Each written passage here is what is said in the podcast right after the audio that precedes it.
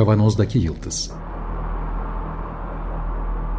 Hazırlayan ve sunanlar İsmail Başöz, Haluk Levent ve Fethiye Erbil.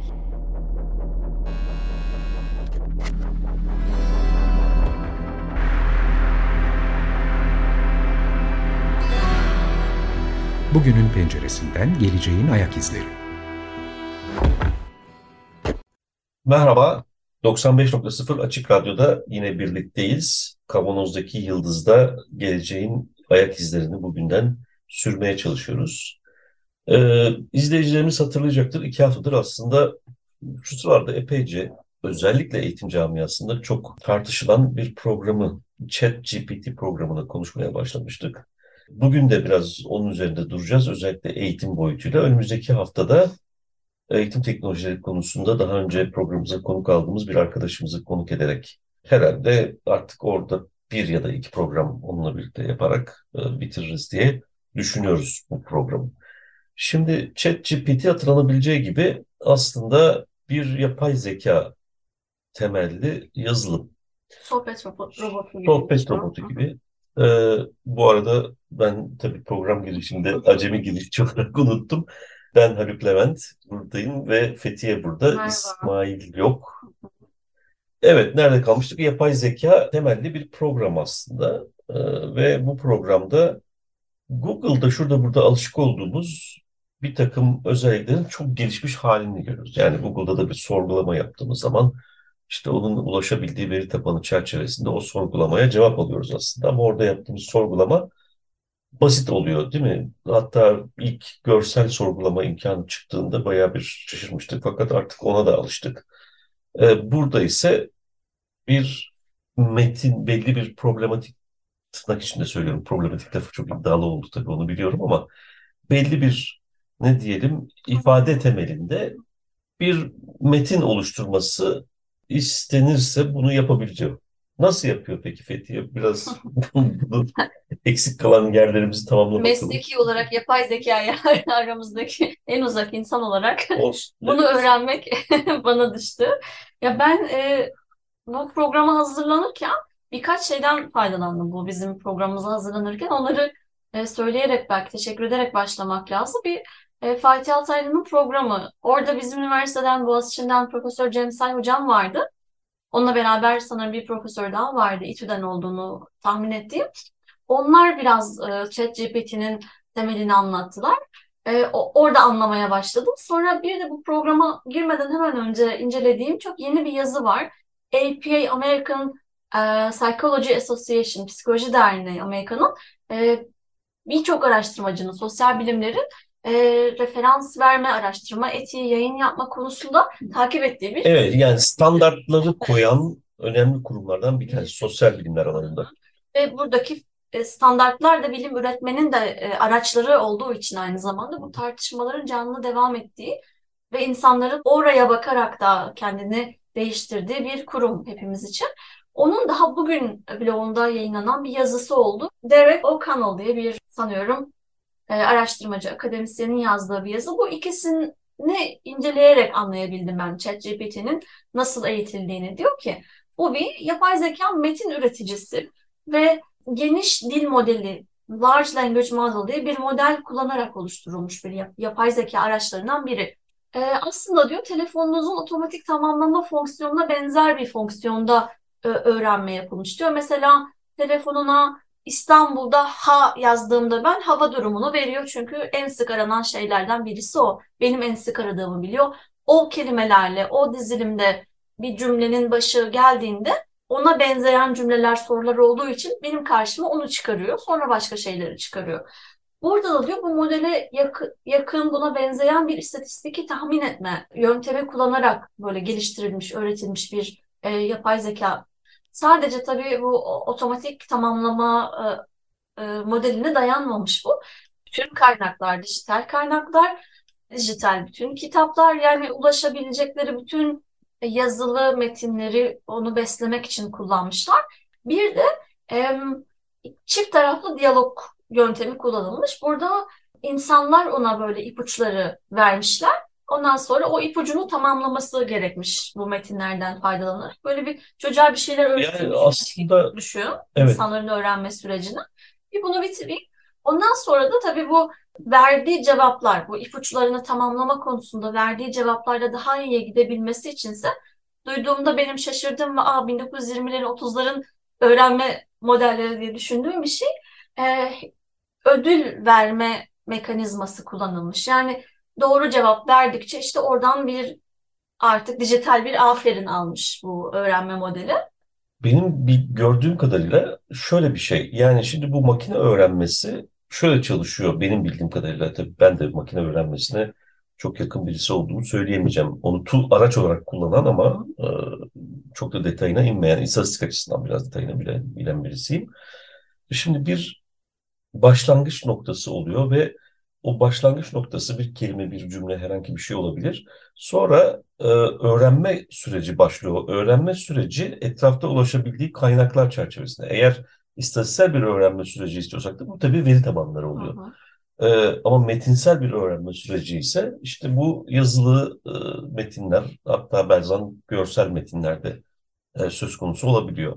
Buradan e, rastladığını öğreniyor ama bu öğrenme bir dallanma olduğu için her zaman çok arzu edilen noktaya gelmiyor. İşte bunu zaten o chatbot meselelerinde falan gördük değil mi? Sonuçta ilk rastladığı şey dallanmayı giderek böyle e, ırkçı, işte faşizan bazı şeyleri e, ürettiğinde, götürdüğünde çok sıkıntılı noktalara gelebiliyor. Bunu biraz kapatmak için algoritmayı geliştirmişler. Hı hı. Yani okuduğum kadarıyla çok tabii yan, yanılıyor da olabilirim. Beş tane öneride bulunması isteniyor ve sonra bir insan bu beş öneriden en uygununu Evet. seçiyor. İşte bu ödül mekanizması da Bu, bu. bu evet Verdiği cevabı işte birden 10'a kadar doğruluk düzeyini değerlendiriyor. değerlendiriyor. Ve 10 aldıkça daha iyi öğrenmiş oluyor onu. Evet. Dolayısıyla bu geri besleme e, algoritmasını katarak aslında öğrenme sürecindeki o dallanmayı rastgelelikten kurtarıp belli Tabii, bir tabii. belli bir temele oturtmuş oluyorlar.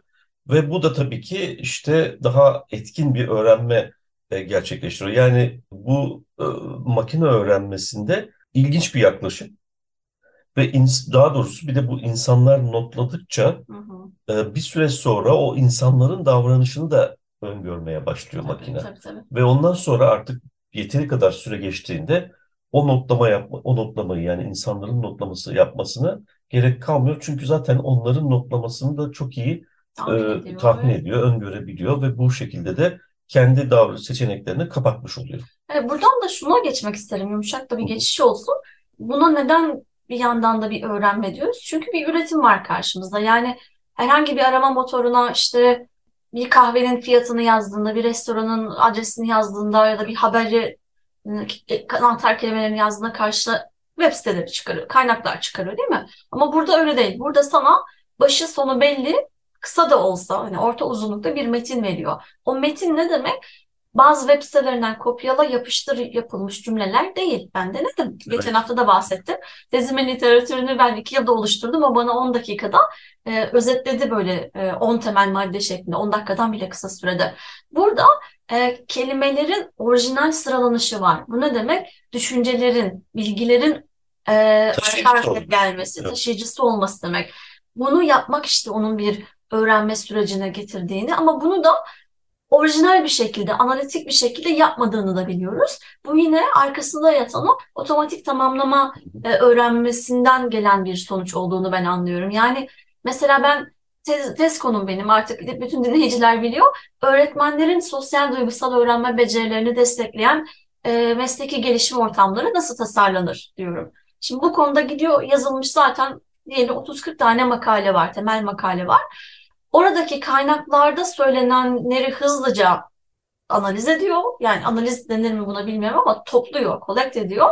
Ondan sonra orada birinin işte şey e, oluşturma dediğini, öbürünün tasarlama dediğini görüyor ve bana o cümleyi işte e, öğretmenlerin duygularını destekleyen öğrenme ortamları oluşturmanız şarttır şeklinde verirken Haluk aynı soruyu kendi bilgisayarından girdiğinde oluşturmak yerine tasarlamak diyor. Her kullanıcı için birbirinden ayrı ama anlamı aynı cevaplar da verebiliyor Evet. esasen. Asıl güçlü tarafı bu zaten. Bence de. Çünkü paraphrase etmiş oluyor Evet. bu, bu şekilde. Yani bir cümleyi kopyalamak Yeniden yerine bir kelimeyi koyuyor. O kelimeden sonra gelme ihtimali en yüksek Evet. olan kelimeyi ikinci ekliyor. Böyle böyle böyle böyle gidiyor. Dolayısıyla o ilk başlangıç kelimesi yine bir şey e, sıralamada Tabii. e, farklı farklı şeyler olacak. O yüzden o insan değerlendirmesi orada büyük önem taşıyor. İlk kelimenin başlamasına göre son cümlenin nasıl oluşacağı o şekilde belirlendiği için. Burada bir şey, beni dinleyen öğrencilerim varsa sanmıyorum olduğunu sıkılıyorlar bu konulardan şimdilik ama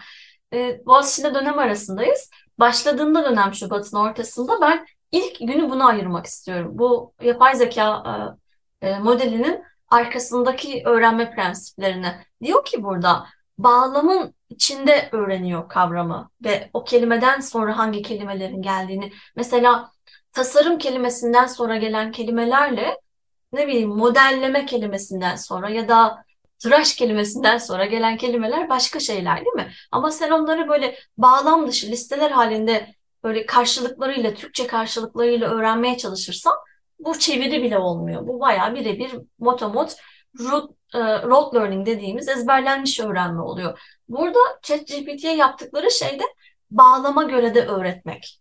E, ve hangi bağlamda soru soruluyorsa o bağlama uygun metinlerden e, bilgileri, kelime ünitelerini, bilgi ünitelerini çekerek ona katmak. Esasen biz bunu insan öğrenmesinin en etkili yöntemlerinden biri olduğunu, özellikle dil öğre- Öğrenme öğrenmesinde bayağıdır biliyoruz yani 50-60 senedir biliyoruz.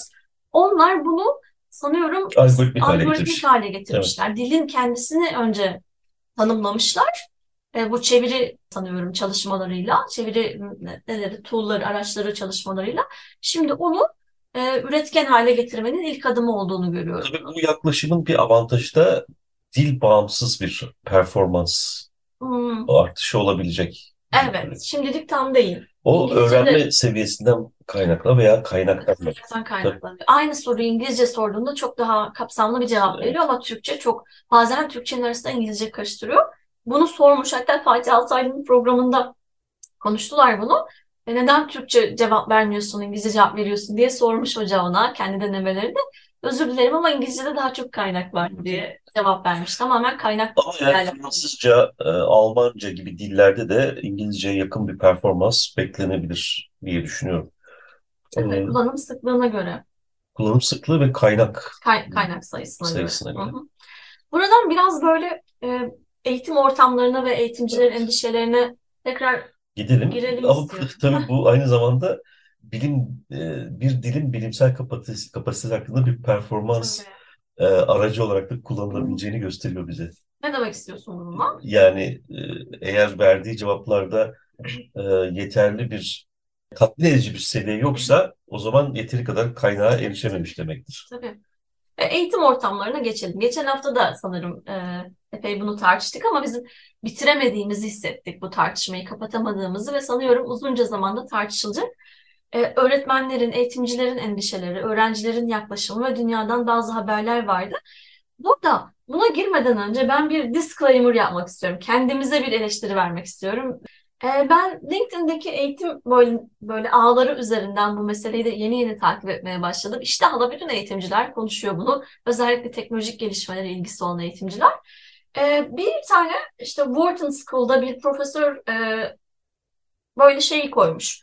E, Amerika'da dönem, ikinci dönem yeni başladığı için ders izlencesini koymuş. Syllabus dediğimiz şeyi koymuş ve oraya yeni bir bölüm eklemiş. Yapay zeka politikası. Ve diyor ki bu derste sizin yapay zeka kullanmanızı bekliyorum ama bunu sorumlu bir şekilde kullanmanızı bekliyorum. Yeni ortaya çıkan böyle hani oluşan bir beceri bu. Hepimizin geliştirmesi gereken ve nasıl kullanabileceğinize dair de ben size bazı online e, tutorial'lar böyle dersler hazırladım. Oralara bakabilirsiniz. Bazı ödevlerde bunu kullanmanız gerekecek ve nasıl etik olarak kullanılacağını beraber tartışalım. Ve bunu iyi bir model olarak sunuyor. Ve mutlaka bunu diyor derslerimizde artık tartışmalıyız eğitimde. Yasaklamak meselesini konuşmuştuk ya geçen geçen programda.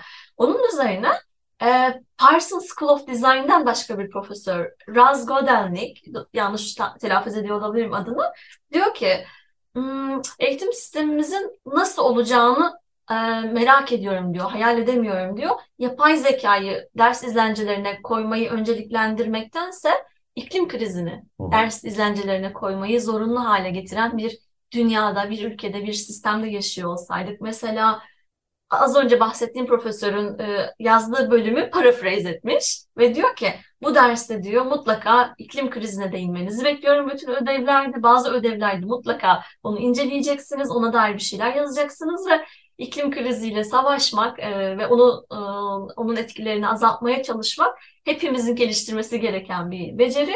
Buna dair tutorial'larda, derslerde hazırladım online olarak. Dilediğiniz zaman gelip ofis saatinde benimle konuşabilirsiniz. Yani burada yani öz eleştirim, kendimize, grubumuza olan eleştirim e, çok e, teknolojiyle ilgili haberler çok juicy geliyor bize. Çok tartışması güzel, lezzetli geliyor ama bir yandan da içinde bulunduğumuz dünyanın yangınıyla ilgili şeyleri çok az dahil edebiliyoruz. Çok az dikkatimizi çekiyor. Sanıyorum bundan sonra devam edebilirim. Evet. Ee, öğretmenlerin endişeleri demiştik. Bu konuda bir tane New York Times yazısını sizlerle paylaşmak isteriz. Bu da sanıyorum bir 10 gün önce falan e, yayınlandı. Diyor ki okullarda ChatGPT'yi yasaklamayın. Onunla birlikte yani öğretmeyi öğrenin. Onu öğretmeninize dahil, edin, öğretme sürecinize dahil edin. Kevin Rose'un. Şimdi ben burada verdiği örneklerden e, bir şeyler özetlemek istiyorum. Sonra e, ne hissettiğine dair bu örneklere Haluk'a sormak istiyorum. New York'ta ilk 12, K12 dediğimiz seviyede bir grup öğretmenle konuşmaya gitmiş böyle e, yapay zeka üzerine ve okulların e, buna nasıl hazırlıklı olabileceğine dair bir konuşma yapmış bu gazeteci. E, eğitimle ilgili haberler yapan bir gazeteci olduğunu anlıyorum. Fakat konuşmadan sonra kalanların tamamı öğretmenlermiş ve sadece ChatGPT hakkında sorular sormuşlar ve çok endişeli gözüküyorlarmış. Bazı endişeleri geçen hafta anlatmıştık işte. Öğrenciler ödevlerini onda yaptırmaya başlamışlar vesaire gibi. Ama bir tane öğretmenin endişesi diyor inanılmaz bana geçti diyor duygularıyla beraber. Ben öğrencilerin ödevlerini okuttum demiş ChatGPT'ye. Benim elde verdiğim geri dönütten daha iyi bir dönüş verdi. Ben işsiz mi kalacağım demiş. Evet. Vallahi öyle bir risk var. Ee, geçen hafta bir yazılım e, Galactica isimli bir programdan da bahsetmiştik. E, benzer başka programlar da var. E, bu ChatGPT'nin e, web sayfasında ben yazılımı da düzelttiğini e, görmüştüm Python'da. Dolayısıyla bu tür rutin ya da algoritmik olarak ifade edilebilen bütün e, nedir vasıflar Hı ve hı. iş parçaları diyelim elbette yapay zeka tarafından tehdit ediliyor. Yani bu çok uzun zamandır şey yapabiliyoruz ama öğretmen sonuç itibariyle insan insana ilişkinin çok önemli olduğu, dokunmanın çok önemli olduğu bir alan. Eğer öğretmenliği sadece ödev okumaktan ibaret görmüyorsa bir problem yok demektir. Aa, ödevlerimi okutabilecek biri varsa benim Aynen. bu. Öğretmenlik yapacağın zamanı da daha fazla artırmış olursun aslında. Kesinlikle. Şimdi burada hem o New York Times'daki yazıdan hem de e, APA'in blogundaki yazıdan böyle birleştirdiğim bazı tartışmaları, önerileri sunmak istiyorum. Geçen hafta da hatırlattığım gibi bunlar devam eden tartışmalar ve sanıyorum dönüp dönüp geri geleceğiz ve üzerine bir şeyler ekleyeceğiz biz de. E, herkesin böyle e, ilk tepkisi New York'taki e, bazı okulların sonra sanıyorum Avrupa'da başka birkaç tane ülkedeki bazı üniversitelerin ilk tepkisi yasaklamak Evet. okulda sınıfta kullanımını yasaklamak ama geçen hafta da konuştuğumuz gibi o yasağı teknik olarak delmenin birçok yolu var. Bunun işe yaramayacağını baştan kabul etmemiz gerekiyor. İkincisi yapay zekayı e, bir e, hesap makinesi gibi düşünün ve e, bunu kullanabilecekleri ödevler, dersler tasarlayın önerisi var. E, yani ne kadar iyi bir analoji çok emin değilim burada. Belki bunu düşünmek lazım. Çünkü hesap makinesinde çok hızlı bir işlemin sonucunu almak için e, o genç onu kullanıyor ya da öğrenen kişi onu kullanıyor. Ama esasen o matematik dersinin temelinde o işlemin ne olduğunu, kavramsal karşılığını ve o işlemin nasıl yapıldığını öğreniyor. Burada sadece kestirme bir sonuç aldığı için onu kullanıyor değil mi? Tabii tabii yani o zaten o derslerde bir de şöyle düşünmek lazım. Hesap makinesi kullanımının olmadığı zamanlarda Hı hı. Ee, sınav nasıl yapılıyordu? Yani şimdi mesela bir istatistik dersini düşün. Ee, işte E üzeri bilmem ne Hı hı. onun işte onun karekökü şusu busu Elle e, elle hesaplanıyor. Şimdi halbuki artık soru çeşitlenmesi Hı hı. daha böyle analitik e, tartışmaları yapmak üzere o tartışmalarda gerekli bilgileri üretmek için e, gerekli istatistiksel araçları kullanıp kullanamama yeteneğine sahip yani kullanma yeteneğinde ölçme imkanına sahip oluyoruz. Dolayısıyla aslında hesap makinesi kullanımı şey hem eğitim kalitesini hem e, ölçüm kalitesini artırdı. Benzer bir etkiyi burada da gör, görme ihtimalimiz var bence. İşte burada o bilginin kendisi önemli. Her bilgi için ve o yani tartışma süreci için o bilgiyle metinle hemhal olma hali için aynı şeyi söyleyemeyiz bence. Geçen hafta da vurguladığım gibi bunu mutlaka kötü amaçlarla kullanacak bir sürü öğretmen de, akademisyen de herkes olacaktır.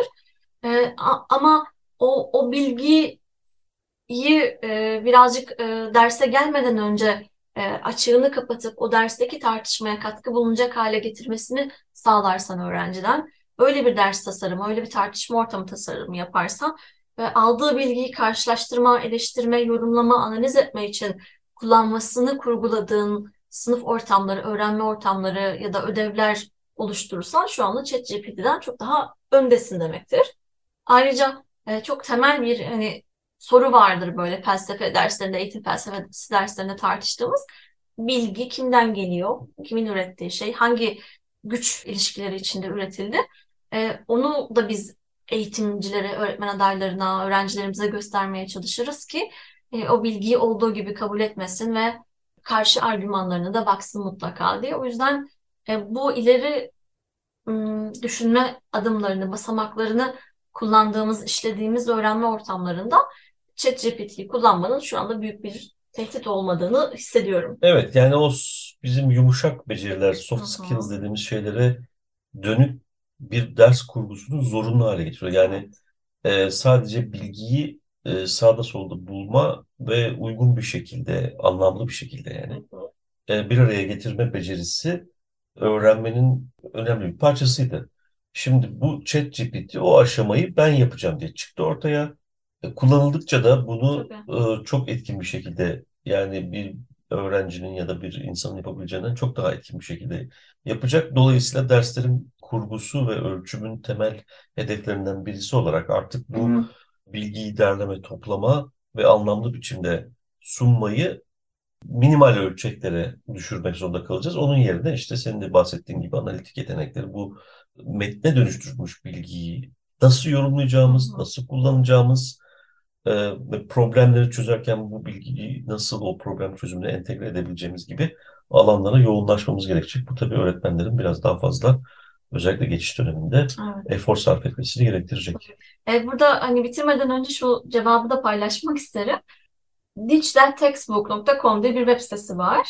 Bu web sitesi e, ChatGPT nedir? Ondan sonra e, eğitime yansımaları neler olacak ve onunla beraber sınıf ortamlarımızı nasıl hemen farklılaştırabiliriz de anlatan küçük güzel faydalı yazılar yazmış.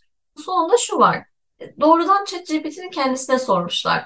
Eğer öğretmenler diyor yapay zekayı e, kucaklamaya hazır değillerse, onu derslerine entegre etmeye hazır değillerse nasıl başarabilecekler onunla beraber diyor derslerini e, götürmeyi, öğretmeyi nasıl başarabilecekler diyor. Yapay zekanın ya temel yapay zeka temelli aldatma işlemlerine karşı. Evet tabii. Aha. Onun e, öğrencilerin kopya çekmesini nasıl engel nasıl engelleyebilecekler diyor. Doğru ifade etmek gerekirse.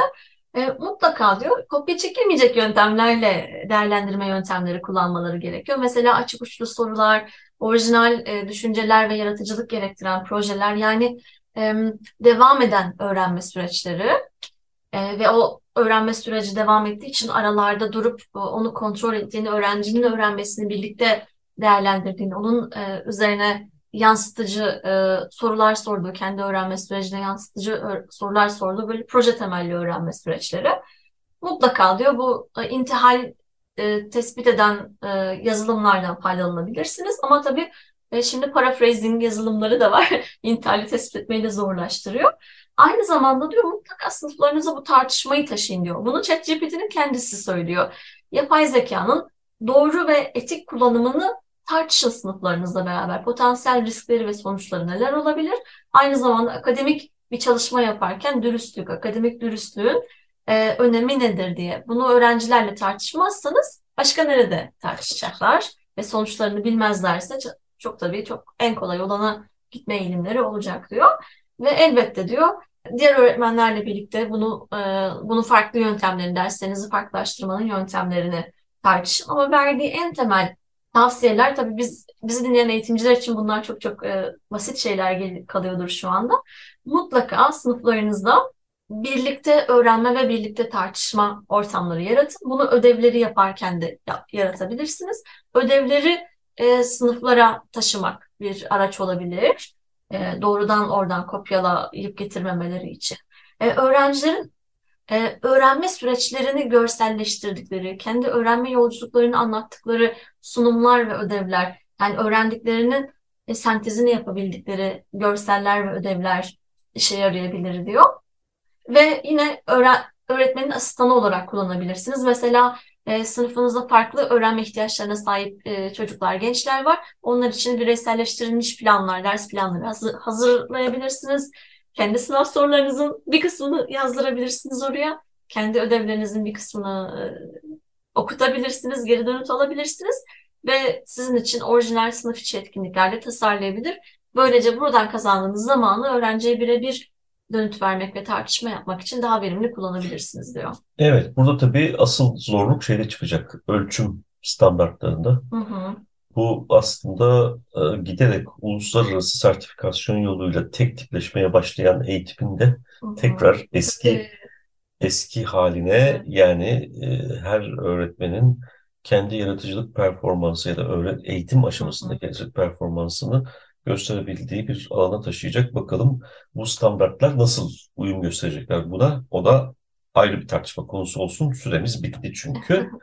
Ee, teknik masadaki arkadaşlarımıza ve destekçimize çok bir kez daha çok teşekkürlerimizi sunarak burada kapatalım. Önümüzdeki hafta görüşmek dileğiyle. Hoşçakalın.